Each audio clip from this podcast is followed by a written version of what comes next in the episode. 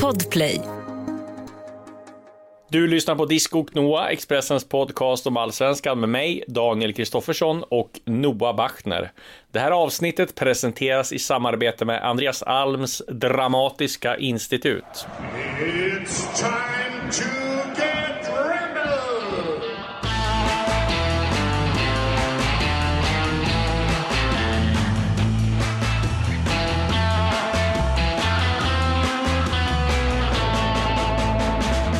Ja, det var ju egentligen, eh, kändes som att det var mest drama runt Stefan Billborn efter den här cupfinalen mellan Hammarby och Häcken, men Andreas Alm Ja. tog över showen lite grann, kan man säga det? Ja, det får man väl eh, lugnt säga. Eh, Andreas Alm har väl, eh, jag vet inte, han har väl eh, haft eh, liksom en vana av att ta i lite grann i överkant när det gäller en del situationer. Vi minns ju alla när Jonas Olsson va, tog stryptag på en, eh, av vem var det? Eh, jag kommer inte ihåg, men det var... Var det Jeremejeff? Nej, det var Ja, inte. jo, men nej, det var någon i alla fall i Häcken och Andreas Alm meddelade på att här, men här ser du ju, här är Jonas Olsson, han vill döda honom. Ja, alltså, det var ju så fullständigt bisarrt. Och nu händer det här igen då efter på presskonferensen. Ehm, Alltså jag tycker Efter- ju att, eh, eh, efter i regel att hans resonemang var ju liksom ganska sympatiskt, för han stod ju upp för Stefan Billborn eh, Ja, och, ja, och ja, vände sig absolut. emot liksom Eh, alltså med sätt, så gestaltar det som att alltså, det blir ju väldigt krasst när han säger som det är då, att någon Ja. kommer från ett annat företag och berättar att du kommer få sparken från ditt jobb. Mm. Eh, vi kan lyssna på hur det lät kanske. Det Det är ju jäkligt konstigt att vara i den situationen. För att man jobbar för en förening eller ett bolag eller vad man jobbar så kommer det människor från andra företag och säger åt en att du kommer få sparken. Det kommer någon från Sportbladet AB eller det kommer någon från annat. Det är en jättekonstig grej. Att det kommer folk in på ditt jobb och säger du kommer få sparken här. Eh, Någonstans ska jag känna att de som skriver det borde också, man borde någon form av motprestation. Så om det inte stämmer så borde den få sparken kanske. Det är det. Jag tycker att också jag tycker att Stefan har också varit ganska tydlig i sina svar. Jag följer det. Jag följer med intresse när, när folk börjar jagas. Eh, och jag tycker vi tränare kan stå upp, eh, precis som Stefan har gjort, ganska så mycket. Eh, för att det är ändå till slut så är det ideella människor som ska fatta ett beslut, ofta. Som sitter i en styrelse som har det slutgiltiga beslutet och då kan man inte ha tränare som flackar med blicken utan vi har fått göra ett jobb. Eh, uppenbarligen så eh, gör Stefan ett jävla bra jobb. Så att det är där man är. Ja men extremen här är ju då, eller det dramatiska här då är ju då att alla uppgifter som är fel ska leda till att man själv får sparken. Eh, om, man, eh, eh, om man skriver det. Eh, det, var ju, det var ju typiskt Andreas Alm-grepp kanske, vad kan vi kalla Ja, det men för. grejen, alltså, men vi ska, gå- om vi ska gå tillbaka till det här, så var det ju Sportbladet som för åtta dagar sedan tror jag avslöjade att, eh, det har vi tog vi i förra avsnittet också, men avslöjade att Stefan Billborn kommer få sparken oavsett om de förlorar cupfinalen eller inte. Och eh, ja, det har inte kommit något beslut där än, men som jag fattar det som så så är det ju, de ska ha utvärderingar utvärderingen här och så kommer väl ett besked då eh, angående Billborn. Men att han är ifrågasatt, då, och ifrågasatt och att de överväger att byta tränare, det känns väl som att det är ganska klart med tanke på att både Jesper Jansson och Rickard Yxkull inte kan säga att Billborn blir kvar och han har ju kontrakt över 2022 också, så det är klart att de ska utvärdera här så får de se vad de kommer fram till då. Men eh, ja, vi får se om vi kan ge några definitiva besked här eh, under eh, veckan som kommer. Men däremot så Alms dramatiska grejer var ju det också att han fick ju väldigt mycket sympatier från eh, eh ja, men framförallt Hammarby supportrar då som menar på att ja, men han stod upp för Alm och det var ju bra. Eller stod upp för Billborn och det var ju bra. Eh, men sen är det ju ett väldigt eh, dramatiskt resonemang och sen är det väl så här också i den här, nu pratar jag i egen sak, men jag kommer ihåg när han fick sparken, då hade ju Fotboll Direkt uppgifter, det var de som avslöjade att han skulle få sparken och, och jag eh, avslöjade att Rickard Norling eh, hade skrivit på ett kontrakt som började gälla eh, vid ett visst datum då. Och det var ju Eh, det visste ju vi då, men då hade ju inte han fått besked om att han skulle få sparken. Eh, och, det, han fick, och så höll han in den där träningen och sen fick han sparken. Så jag menar, det finns ju liksom ja, det är väl journalisters jobb liksom också. Så jag vet inte om han att, tycker att det är så konstigt det där med, jag tror han överdriver också när han säger att det är så konstigt att någon kommer in och säger till dig. Ja, men det, det är ju ett sånt yrke vi har liksom. Det, det är ju den här liksom hela fotbollsmaskineriet och fotbollsmedia. Det är väl en del av det också. Det är väl därför, och det är väl därför tränarna har så jäkla hög lön också. Att de tjänar så jäkla bra. Det är för att de har den här osäkerheten eh, och för att ja, men jag kan liksom någon, någon kan sparka mig så att jag vet inte. Ja, alltså jag, det är- förstår ju, jag förstår ju båda sidor av argumentet. Jag förstår ju, jag förstår ju vad han menar och vad han vill Absolut, åt när han, när han absolut. kritiserar den här verkligheten. Samtidigt så är det ju så här att alla gör sina, ja, han säger ju det tydligt också. Han har ju valt att vara i den här situationen. Han har ju Ja. valt den här karriären. Alla väljer den här karriären. Och är det första du är ute efter anställningstrygghet så är det ju fel karriärval. Alltså om det är det du Exakt. vill ha. Eh, och det, men det medger han ju också, så att jag ser liksom inga större problem med det. Mer än att det var Nej. lite dramatiskt det här med att alla Exakt. journalister som rapporterar fel uppgifter ska få sparken själva. Ja. Eh, Däremot får man här- se om det här inte stämmer så är det ju ruggigt pinsamt för Sportbladet, men vi får ju se om det stämmer eller inte. Ja, precis. Ja, det, det, är ju en, eh, det är ju en jäkla grej att, slå fast om det inte stämmer. Alltså man ska ju vara rätt, rätt säker på sin grej kanske. Ja. Eh, vi kan väl vi prata lite om att Hammarby faktiskt vann kuppen då, och att det Absolut.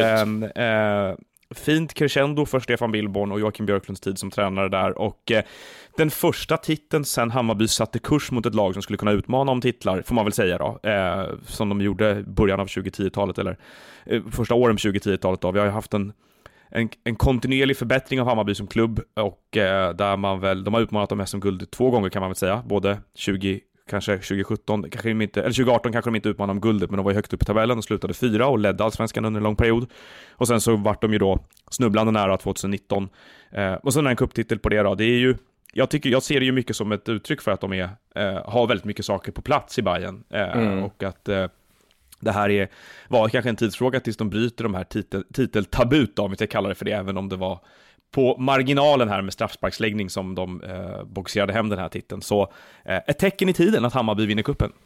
Ja, precis. Och det är väl andra titeln eh, de tar i historien. Va? De vann ju allsvenskan 2001 och så svenska cupen, i alla fall svenska eh, titeln. Eh, så svenska cupen nu då. Eh, och eh, det är väl där de, eh, ja, en klubb som Hammarby ska vara där och slåss om titlarna och komma till Europa. Nu är det andra gången de får chansen i Europa också. Så att, Ja, på det sättet tycker jag, jag skrev en tweet om att det vore ett märkligt beslut om de sparkade Billborn nu. Det vore i paritet med när Djurgården anställde Lelle Vass och Carlos Banda. Inget ont om, om dem, men det var väl just Ja, tränare. en, det, är en hel del, det är en hel del ont om dem i den kommentaren. Ja, jo, jag vet. Men det är just den här konstellationen, de var väl i noll synkade och vi kände väl knappt till varandra. Och man bara satte ihop två liksom, eh, tränare och tänkte att det skulle gå bra. Och det gick ju käpprätt åt fanders. Eh, så Alltså att- jag, jag tycker, jag tycker, jag tycker, jag håller med dig. Jag, jag tycker framför alltså det finns ju flera, vi pratade ju mycket, la ut texten förra veckan här om caset för Billborn och Björklund då, varför, då, varför det vore Ja. fel att sparka dem. Jag håller med dig också om att det vore helt fel i det här skedet att sparka dem. Eh, Då ska man ha någon liksom tränare som är jättebra i så fall, som man Nej ersätter. men, att, nej men att också att så här, deras uppdrag över tid, att de har gjort bra resultat över tid, förutom åttonde platsen förra året då, eh, så är det ju att de har ju brutit, Hammarby jobbar ju mycket mot en sorts kulturförändring, där det inte ska vara Bayern är bäst i stan oavsett var de ligger i tabellen, och nu har de ju topplaceringar i Allsvenskan, börjat vinna mot storlag på hemmaplan, och eh, därtill då sälja spelare. titel. Ja, men så att det liksom är, det, det, jag tycker de gör, de tar Hammarby i rätt riktning över tid här om man tittar på det hittills. Det, det är liksom, jag skulle göra den här utvärderingen efter säsongen, efter, eller efter åtta omgångar, under dessutom då som vi var inne på, den här otroligt kom, liksom komplicerade omständigheten som är att det är coronafotboll fortfarande, med inför tomma läktare. Jag skulle vilja se Billborn och Björklund försöka ta det där vidare med, under någon sorts normalläge snarare än att man drar förhastade slutsatser kanske här då, på, baserat på hur fotbollen, hur fotbollen går till under den här pandemin. Så att Ja. eh, eh, ge honom, ge honom, honom och Björklund alla rätt att fortsätta här. De har ju en, han har en fjärde plats, en tredje plats, eh, en åttonde plats, en kupptitel och i, andra eh, gånger har de spelar i Europa nu och sen så har de väl tre upp till, eh, vad har de, tre eller fyra poäng upp till en tredje plats Ja. och spel i Europa. Så jag menar, ja, Och spel med publik, inför publik i resten av exakt, säsongen. det vore ju Och extremt sålt, märkligt. Sålt spelare för tillfälle. mycket pengar och förbättrat truppen Ja. över tid. Jag, jag, jag har väldigt svårt att se vad de har gjort för fel. Eh, man, eh, man får väl också säga att eh, Hammarby var ganska förtjänta mästare här. De tog sig förbi både två och tre jobbiga hinder. Dels när de vann då eh, mot AIK i kvartsfinalen och när de vann mot Djurgården trots de bekymmer de var utsatta för på sidan av planen och sen så då eh, eh dessutom, eh, finalsegern var väl kanske ingen sprudlande historia, det var ingen jätterolig match det här, men eh, eh, vä vägen dit på det hela taget hur Svenska Cupen utspelade sig så får, man ju, får jag medge att jag tycker Hammarby var välförtjänta vinnare av den.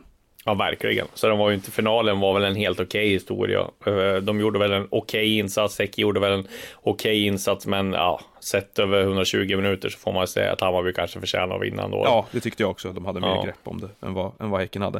Eh, vi kanske ska nämna kort också att, äh, vi har ju pratat om det redan en hel del här, men Alm, Alm försvinner ju nu från allsvenskan och svensk fotboll. Och eh, för att, för att liksom knyta ihop det där vi pratade med i början där om att han har en tendens att vara dramatisk, så jag uppskattar ju Andreas Alm väldigt mycket, framförallt hans eh, sätt att kommunicera. Jag tycker det är, han, han är ju inte lik någon annan tränare i det, alltså den aspekten. Det är ju, du får ju väldigt sällan klyschor från Andreas Alm, och eh, för allt vad man kan liksom skaka på huvudet åt att han ibland är lite väl upptagen av att prata om domarkåren och, och sådana här saker, så en uppfriskande, ett uppfriskande inslag i Allsvenskan och bland de roligare personerna att, att lyssna på i samband med presskonferenser. Så att det är en förlust för Allsvenskan, både för att han är en skicklig fotbollstränare i, i grund och botten och eh, tycker jag i alla fall eh, förlust för att han är en, en bra röst i Allsvenskan.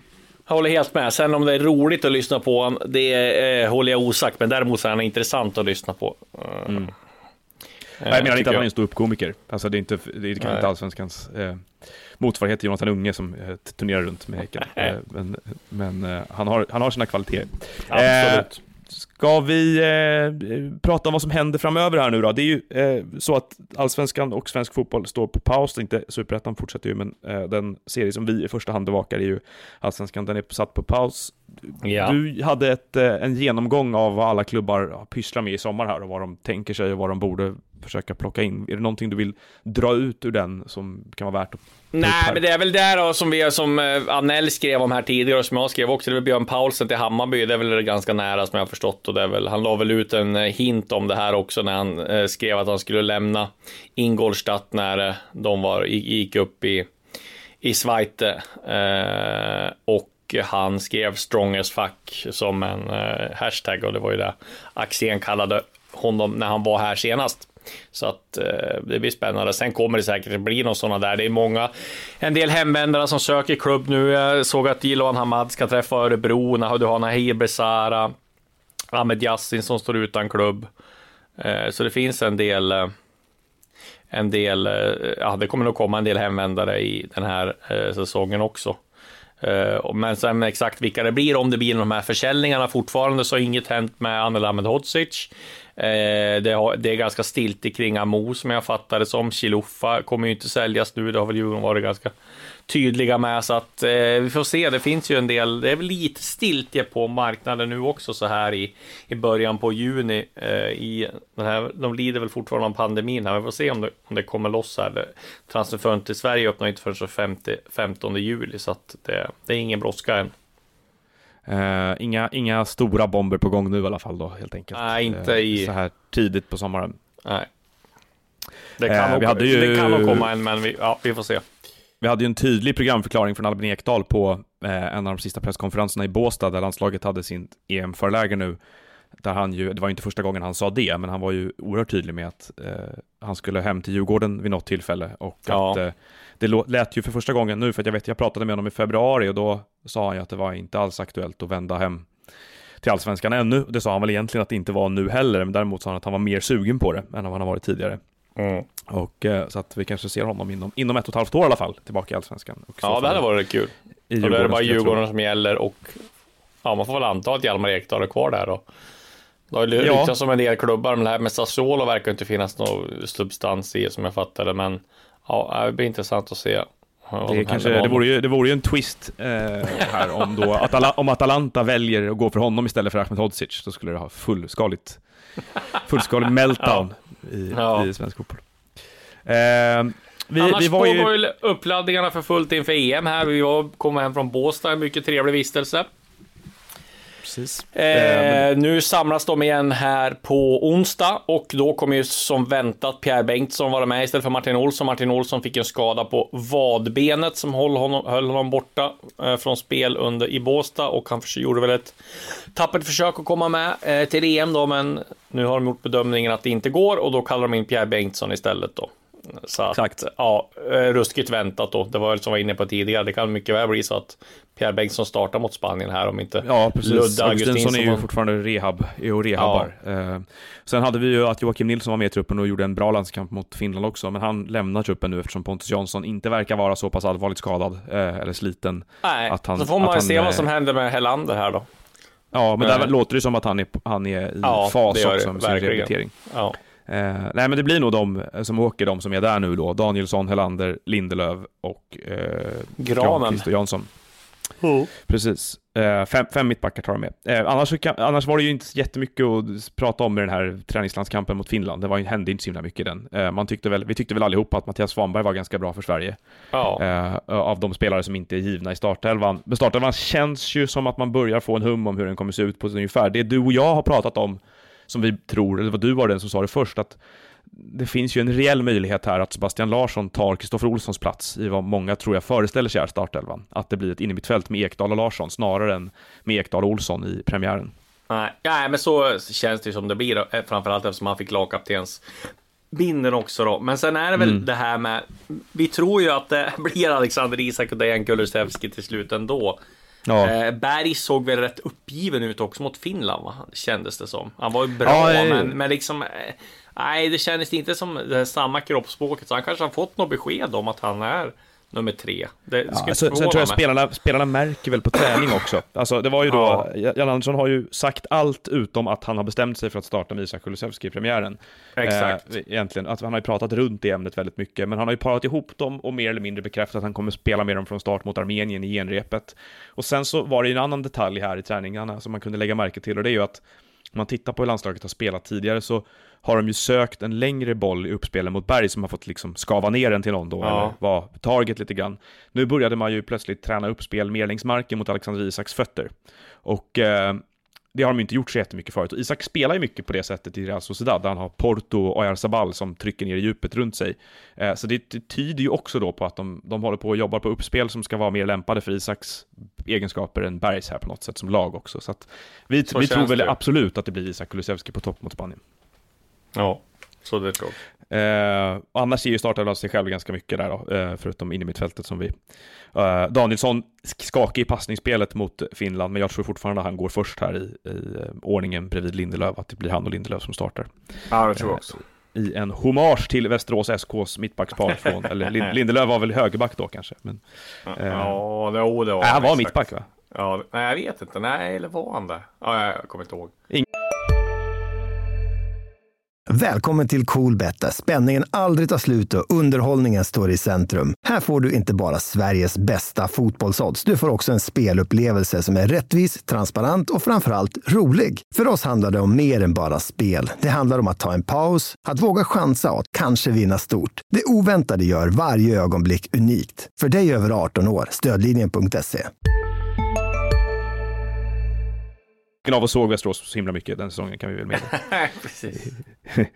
Eh, ska vi, eh, just det, vi ska ta det, en, en, formalitet här också då. Eh, efter, innan vi går in på frågelådan, eh, så vi slipper kladda med det där då. Det är så här att det här är det sista avsnittet av den här podden på ett tag. Väldigt, Eh. på ett bra tag. På ett bra tag.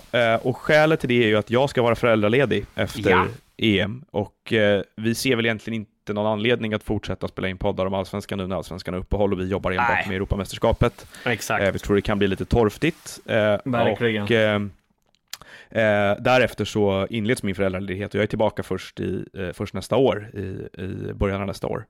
Eh, så att eh, den här podden kommer att eh, inte att... Ligga på eh, paus. Den kommer ligga på paus tills dess. Ja, jag Eh, försökte ju hitta en eh, ny Noah här, Ja. eh, liksom gjorde, och så jag skulle kunna försöka hålla podden vid liv, men det, det, inte- det finns ju inte så många Noah att välja på. Det fanns en 80-åring i Skärmarbrink, eh, men han, han ville inte göra den, men sen fanns det ju liksom en, ja, det var någon som var 12 år också, någon tonåring. Det hade ju varit i och för sig varit samma intellektuella nivå, men han var inte intresserad av fotboll, så att det, det, det, blev, det blev svårt att hitta någon ersättare tyvärr. Du, du kommer göra en hockeypodd istället?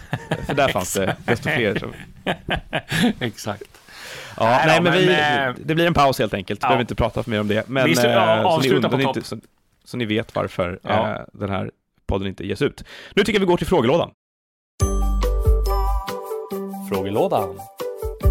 Ba-da-ba-ba-bow. Frågelådan. Frågelådan. Frågelådan. Ja, där det har rasslat till igen då. Eh, Måns Rasmusson eh, har ställt fråga, precis som flera andra här, om det här kriget mellan Riksidrottsförbundet och Svenska Fotbollsförbundet. Eh, och eh, det var jag som rapporterade om det i lördags, där precis innan Finlandsmatchen, att det röstades igenom en motion på Riksidrottsmötet som innebär att det centra centrala RF-stödet som går till eh, alla specialidrottsförbund då, eh, att de sätter ett tak på 10 procent. Man, ska inte kunna- man ska inte kunna få mer än 10 procent av det och resten ska fördelas ut till andra i någon sorts solidaritetsbetalning. Där förbundet då, fotbollsförbundet tidigare har fått 14 procent och eh, bakgrunden till att de har mer än alla andra är att det är Sveriges överlägset största sport. Nästan 40 procent av alla ungdomar som idrottar i Sverige spelar fotboll. Eh, och det här ju retade ju gallfeber på fotbollsförbundet. De fick ju backning av, jag tror, innebandy, basket, volleyboll och fäktning och lite andra Ja, förbund som exakt. tyckte att det här var fel också. Eh, och sen så var det väl det vi, du och jag, båda två hade på känn där, att eh, de skulle vidta en ganska drastisk åtgärd. Och det kom ju bekräftelse på det igår här då, där i ett pressmeddelande där de numera nu pratar om att lämna Riksidrottsförbundet till och med och ska utreda det Ja. och lämna svar på om det är rätt beslut eller inte i september. Eh, det här är ju, det här, kommer, det här riskerar ju att bli blodigt och att lämna RF får ju konsekvenser på flera sätt än Ja, bara de här ersättningspengarna. Vi har ju till exempel då fungerar ju RF som en sorts safeguard för 51%-regeln och lite andra sådana saker. Eh, så att, eh, ja det, det rör på sig. Det är en riktigt, det är en stökig konflikt det här och hade det inte varit EM-uppladdning och Champions League-final och annat tror jag att det hade varit större rubriker, för det är nästan bara vi och Fotbollskanalen som har rapporterat om det. Ja. Och då var flera så, som frågade, såg jag här också, det här med att inte att Björn Eriksson valdes om som ordförande i Riksidrottsförbundet, eh, det eh, vet jag ju, det har jag ju skrivit om tidigare också här, att de frågade Anders Larsson i ishockeyförbundet och Maria Möller i golfförbundet eh, från fotbollens sida, de sökte då eh, dem som eh, representanter för att utmana Björn Eriksson, men de tackade nej båda två och därför så ställde Eriksson upp utan någon motkandidat egentligen och valdes om här. Så att eh, det här missnöjet med det här, Mats Enqvist var ute igen här och svingade nu mot Björn Eriksson såg jag, det, det kvarstår. Så att allt är sig likt helt enkelt. Det vill säga man kommer till tillbaka i nästa år här till det här jobbet igen efter föräldraledighet så eh, landar man in i precis samma verklighet, samma tjafs som tidigare. Det känns bra. Exakt. Västerort, Viktor Gyökeres eller Omar Faraj, vem går AIK för? Ja, de vore ju helt eh, knäppa om de inte kollade upp med båda två, att de inte är på båda två. Det tar jag för givet. Sen tror jag väl att både Gyökeres och Faraj, eh, jag tror Gyökeres tror jag vill stanna utomlands helst, så det ligger väl nog närmast till hans. Omar Faraj tror jag att BP vill sälja utomlands också. Men jag menar, båda vore ju perfekta för AIK. Eh, eh, liksom Omar Faraj, eh, pa Paulus Abraham typ, Viktor Gyökeres anfallare. Så att, nej, de, de vore, det vore konstigt om de inte hade kollat upp båda. Jag tycker att det vore, eh, Palmegruppen frågar så här, jag tycker det vore kul att fråga Sillykungen Kristoffersson om försäljningar som inte blev av. Den där allsvenska klubben varit dumsnål sedan spelaren tappat och försäljningen uteblivit. Iran Dust, Mm. Fröling eller Jake Larsson etc. Har du något sådant exempel? Ja, men ä- alltså, tog han dem som exempel nu? Han undrade väl kanske om, då, om, det var, om det var så i något av de fallen. Ja, men så var det ju. Alltså, Nils Fröling var ju både Malmö och i Norrköping på och kollade. Och mitt AIK kollade upp också, men han har väl sagt att hans kontrakt går ju ut om eh, sex månader snart och han vill väl tro att hans mål är att komma utomlands. Så då, då kan han ju skriva ett pre-contract med en utländsk klubb och sen gå gratis efter sommaren. Eller efter, säsongen, så att jag tror att det är hans plan. Sen är det inte alltid planerna eh, liksom fungerar, så att då kanske han får ta en allsvensk klubb då, om det inte blir så. Men jag, jag, han har ju störst chans om han skriver på som Bosman för att komma utomlands, tror jag. Det är väl det är väl det hans mål. Sen var det väl Jakob Une Larsson som tackade nej till Lecce, bland annat, som, inte, som var en övergång som inte blev av. Och sen blev ju inte övergången av Haslak Vittry till Utrecht heller. Eh, där kom ju inte klubben överens med Djurgården om en övergångssumma då. Eh, jag, jag gissar väl att de gör ett försök. Det finns ju ganska många klubbar som, som är på och hugger på Vittry, eh, Nürnberg bland annat, ett par andra i Zweite Bundesliga och sådär. Men där vill väl Djurgården ha 10-15 miljoner netto i alla fall i nettotransfer, så att det blir väl en del att punga ut. Så får vi se då vad han tycker också. Han kanske vill se en chans att vara med och slåss om SM-guldet till, eller om han hoppar på om det kommer något bud som Djurgården accepterar. Det... Jag, vet, jag kanske har fel intryck, men Helsingborg hade väl ändå möjligheter att sälja Max Svensson i olika skeden. Nu är han typ bänkad, eller har varit bänkad i alla fall lite. Exakt! Vad, där var det ju både en MLS-klubb som hade lagt bud, va? Eh, och sen var det väl... Eh, var det någon holländsk klubb som var intresserad också? Ja, nu känns det, det känns lite konstigt, men så där kan det ju vara. Spelare blir het och sen så blir det ingenting. Nej, men sen var det Nej. Sead Haksabanovic som hade intresse på sig också, bland annat. Men han blev ju såld till slut ändå. Men... och man kan fråga sig vad status är med Isak Bergman Johannesson och vad Norrköping kan tänka sig mot vad han har varit värderad till och är värderad till Ja. och sådär. Ehm, det har ju varit, hans aktie har stått högre i kurs än vad den gör just nu, skulle man kunna fastslå i alla fall. Ja, det kan man lugnt säga.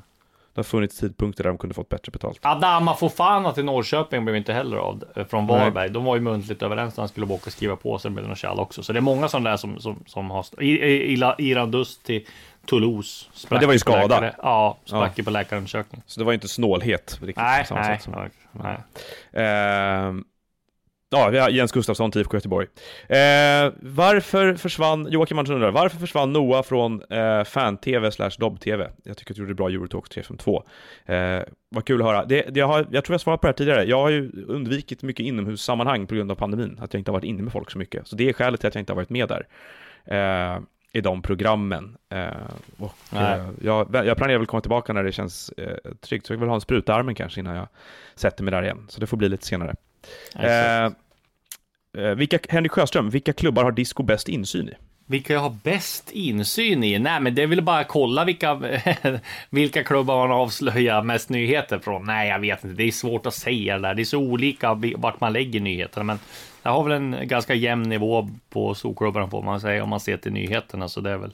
Rent geografiskt så upplever jag inte att det är speciellt koncentrerat till någon plats. Att du har ju Nej. flera nyheter om både Malmö och Göteborgsklubbarna också. Liksom. Ja, senast var det Falkenberg till och med, med Hasse Eklund som fick sparken. Så att, ja, nej, men det är väl eh, olika det där. När, det, det oftast händer ju, det är ju så här, vissa klubbar tar ju rubrikerna oftast. Eh, ja, men till, till exempel AIK var det jättemycket nyheter om till exempel förra sommaren. Eh, när de värvade alla tre, eh, alla de här stora. Eh, och där var ju vi nästan hett på det. Sen har det varit Ja. Sen har det, får man säga att AIK har legat lite mer i radioskugga vad det gäller rubriker de senaste månaderna va? Eh, Verkligen. säga. Eh, Ja, verkligen. De, har, de planerar säkert något stort till sommaren här. Alltså att det, något riktigt jävla, något riktigt rövar, någon riktig Ja. rövargrej. Eh, annars känner man inte igen dem. Alldeles för lugnt hittills. Men tro, här, Mattias Öberg då, tog vi med den frågan? Tror ni fotbollen drar sig ur det här? Vad tror du? Alltså det kan de inte göra? Det är väl bara ett hot eller? Alltså jag tror att det är för, den är för viktig för Ja. RF, för att RF kommer gå dem till mötes på något sätt. Men Ja. samtidigt så tror jag att så här, att det här sätter fingret, alltså, nu, var, nu hände det här och så. Det var ju fäktningsförbundet såg jag var ute, och det var ju flera andra förbund som var ute och sa inför riksidrottsmötet här att RF funkar inte som det funkar idag. Att de behöver modernisera och reformera RF.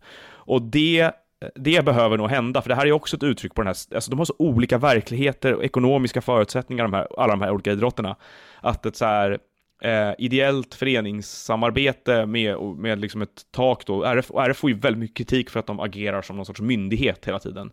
Att eh, flera av de stora sporterna vill ju ha sin egen dialog med politiker och ta hand om sina egna bidrag. Det behöver inte gå genom, RF agerar liksom god man åt idrotterna på något sätt. Så jag tror ju att, kanske inte att fotbollen drar sig ur, men kanske, kanske att RF reformeras och inte finns kvar i den, i den eh, i det skick som det finns idag. Det kan nog bli slut, slutpoängen av det här, tror jag. Nu ska vi se, vad har vi mer här? Vår, vår redaktionschef Magnus Alselind frågar hur, jag, hur fick Disco ut duvan? Och det måste berätta den, om duvan. Ja, det var ju den historien jag berättade för dig här nu innan vi började. Det var ju så här att vi har haft problem med duvor på vår balkong. Och du har köpt Ja. världens sämsta fågelskrämma, kan vi få ett råd Ja, också. precis. Jag har också köpt världens sämsta fågelskrämma. Och eh, sen så Eh, var jag inne i sovrummet här och så hörde jag ett jäkla liv från från eh, min dotters Fionas rum och då var det en, en duva som hade tagit sig in via balkongdörren, gått via köket och försökt eh, och ta sig ut genom att flyga ut genom ett stängt fönster. Och det gick ju inte. Så den stod ju och, och liksom bankade huvudet där fyra gånger och, eller, och fladdrade med, med vingarna. Eh, tills den tröttnade och damp ner på golvet och satt på golvet bara och kollade helt apatiskt. Så när jag kommer in så sitter en duva bara och kollar så här helt. Jag vet inte riktigt vad jag ska, vad ska jag göra, men jag vet att våra grannar har haft, eh, liksom, de har berättat för oss om det du-problemen, så att eh, jag knackade på. För Ja, jag det, är, det är ett problem för hela fastigheten alltså. Ja, jag vet, för jag var ju livrädd. Nej, men det är ju problem för de som bor högst upp. Eh, det är då eh, liksom. Eh, och det är bara två som bor högst upp, det är vi och grannarna. Men, Ja, vi kan, och- får vi säga det så jag- alla fattar? Disco bor alltså då högst upp i fontänen mitt på Sergels torg. Det är därför, vi, det är därför han har det här problemet. Exakt. Men då så Eh, jag var ju livrädd att de skulle få panik igen och börja flyga runt i köket och riva ner porslin och glas och grejer. Det hade ju liksom varit mardrömmen. Så jag var ju liksom livrädd att jag, jag var ju tvungen att smyga liksom. Eh, och då, men då, grannen, han hade ju stenkoll på det här, så han gick in och han visste väl att duvan inte skulle flyga iväg då när den var inne, så att uh, han bara, ja det tog ju fem sekunder så hade han den ute på Va? balkongen igen. Va, va, vem är din granne? Det här låter så otroligt kallt beteende. Alltså, Ja, jag det vet. där. Ja, men det, han heter Odde, han är grym. Så Ja, han, han, ja, han, det hör han löste det där. Det Eh, är, så nog den, det är den bästa egenskapen man kan önska sig av en granne. Att Ja. när det väl flyger in en duva i ens lägenhet så kommer, in, kommer den grannen in och bara löser det åt en. Exakt. Nej, det var vä- världsklass. Men, eh, det- och, och sen dess så tror jag, jag tror den där duvan fick någon form av traumatiskt, eh, liksom, traum, det var ett trauma för den här, för jag har inte sett någon duva på balkongen sen dess. Det är Han berättar för sina kompisar vad som händer. Det- Om ni, flyg fan inte in i den här lägenheten, då kommer Odde. Ja, exakt. Ja, nej, det var, så här var det med duvan. Eh, bra jobbat av din granne då, inte av dig. Ja, verkligen. Nej, inte av mig. Eh, eh, vi har fler frågor här. Eh, en specifik fråga till dig från Andreas. Eh, vem tror du blir ny tränare, tränare i Örebro SK? Jag trodde ju att det skulle bli Joel Cedergren. Eh, han hade passat bra där, men nu såg jag att jag tror det var Närkes Allehanda som hade ringt honom och eh, han hade inte hört någonting från dem. Om man tycker att om de ska anställa en ny tränare så borde de ha hört av sig då i så fall. Men jag tror han hade passat bra där då under Axel Kjell och sådär.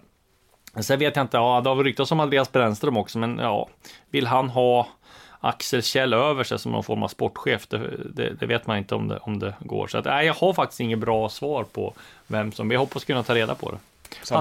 Hasse Eklund, kanske? ett, ett jobb i Allsvenskan i Örebro. Ja. Det är liksom inte, det är inte jättemånga, det är inte så Nej. många. Eh, att Nej. man kanske inte tackar nej till det. Bara för att Axel Kjell är sportchef. Eh, Öpp, Alexander Hardenberger öppnar Toivonen skada för att MFF plockar hem Durmas redan i sommar. Eh, nej, men däremot så borde de väl försöka på Isak Kiese i så fall. Det vore väl en perfekt ersättare. Eh, Det går, har gått väldigt bra för honom. I, Ja, det har gått väldigt bra, så det beror på vad han får. Han kan nog få, få utomlands och kanske vill gå till Kina och casha in, eller gå utomlands och casha in. Men eh, jag hade ju varit Daniel Andersson hade sagt sa, satsa på honom. Ja, men jag tänker att han har gjort så pass bra ifrån sig där att, det Ja, känns som att han borde, ha, han borde ha sina alternativ nu. Ja. Eh, No, eh, Kalle Darberg. Noah känns som en falafelkille och Disco som en kebabkille. Stämmer det? Stämmer detta? ja, men jag, jag, jag, älskar äter nog kebab. hellre, ja, jag äter nog hellre falafel, det stämmer bra. Eh, Bra- vi, bra såg, vi, som var, vi som var på Lunds tågstation i måndag såg hur mycket du älskar kebab. Klassiker. Han var den vidraste kebab jag ätit i hela mitt liv. Håkan Stenström, vilket lag i Allsvenskan kommer tjäna mest på att eventuellt slash förhoppningsvis bli publik efter uppehållet? Jag säger Hammarby. Ja, det Hammarby, AIK, Djurgården, eh, Malmö typ. Det är väl de. Eh, var Disco på en, av, en enda av landslagets träningar i Båstad och bevakade eller befann han sig bara på Peppes Bodega? Du var inte ens inne på Peppes va? Peppes Bodega, herregud. Det eh, var jag aldrig sett. Eh, det, det var nästan dystert att se hur... Ja, det var helt övergivet. Ja, det var helt övergivet. Får se om det kommer igång i sommar då, men det var länge sedan man var där du. För sig, ja. När de laddade upp här 2018 så var vi där och käkade, var någon pizza tror jag. Det var ju rätt bra. Ja, ja, jag tror vi var där någon gång Ja. för mycket till och med. Då. Ja. Eh, på rätt sätt var vi där. Eh, Elis, hur stort är intresset för Ayam Osso? Tror ni han lämnar Sverige redan nu i sommar? Det här tror jag frågan tog upp förra veckan också. Eh, Ja. ja, eftersom han ägs av Häcken va, så känns det som att de vill väl ha tillbaka honom innan de säljer honom. Ja, det känns så va? Och, och det, det, Det är vad jag tror, kommer, men jag vet inte. Vi kommer fram till att han vore bra att få, få en chans där. Sen, alltså, sen beror det på vad får de för tränare. Det är väl det som det handlar om också. Ja. Sebastian Mattsson, vem är bäst i Sverige på så kallade fotbollsnews? Eh, det här handlar, Sebastian har ju då, vår gamla kollega på Expressen som numera jobbar på, på Svensk Damtidning, han Ja. finns alltså av misstag med i landslagets WhatsApp-tråd där de eh, skriver eh, liksom nyheter till oss som jobbar Ja. med bevakning av landslaget. Det är ju liksom öppen info, det är ingen hemlig info Ja, i den nej. utan det är bara när de lägger upp ett pressmeddelande på sajten någonting. Så att om Jakob Kakembo Andersson som är landslagets presschef lyssnar på det här så kan du se till att ta bort Sebastian. Eh, eftersom han är där inne och lurkar eh, och sen så eh, försöker han eh, bygga sitt varumärke med hjälp av det här, så är han borta där. Eh, Mattias Öberg, Niklas Moisander till Hammarby. Ja, det är svårt att se om de tar in pausen. Jag tror ju att de tar... Jag tror att de tar pausen där. Alltså Mosander borde det hellre vara eh, aktuellt för no eh, Norrköping eller eh, Malmö och ersätta Rasmus Bengtsson. Han ska ju bo i Norrköping så att det blir ju... Eller han ska ju bo... Niklas Moisander ska ju bo i Stockholm. Stockholm, ja, inte Norrköping. Nej, inte Norrköping. Så att, nej, vi får se vad som händer där. Eh, har vi någonting mer här som vi tyckte vi borde ta? Det känns som att vi avverkade det mesta va? Ja, jag fick med det mesta nu. Eh, vi tackar för oss då, eh, för eh, den här perioden. Och eh, den här podden kommer att väckas till liv igen, så, så lämna inte våran, eh, våran feed, utan ha tålamod till eh, inför försäsongen 2022 helt enkelt. Då, när, Då är vi tillbaka. Jag, jag är tillbaka i jobb igen efter EM och följ gärna eh, oss Sportexpressens rapportering om fotbolls-EM som ju börjar här om en vecka där både jag och Disco ska jobba som 17. Eh, Vi syns inför säsongen 2022 då. ha ett trevligt år. Detsamma.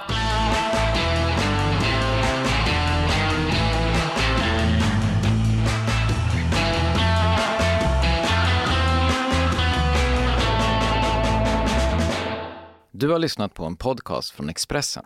Ansvarig utgivare är Klas Granström. Hej, Ulf Kristersson här. På många sätt är det en mörk tid vi lever i. Men nu tar vi ett stort steg för att göra Sverige till en tryggare och säkrare plats. Sverige är nu medlem i Nato. En för alla, alla för en. Vi är specialister på det vi gör, precis som du.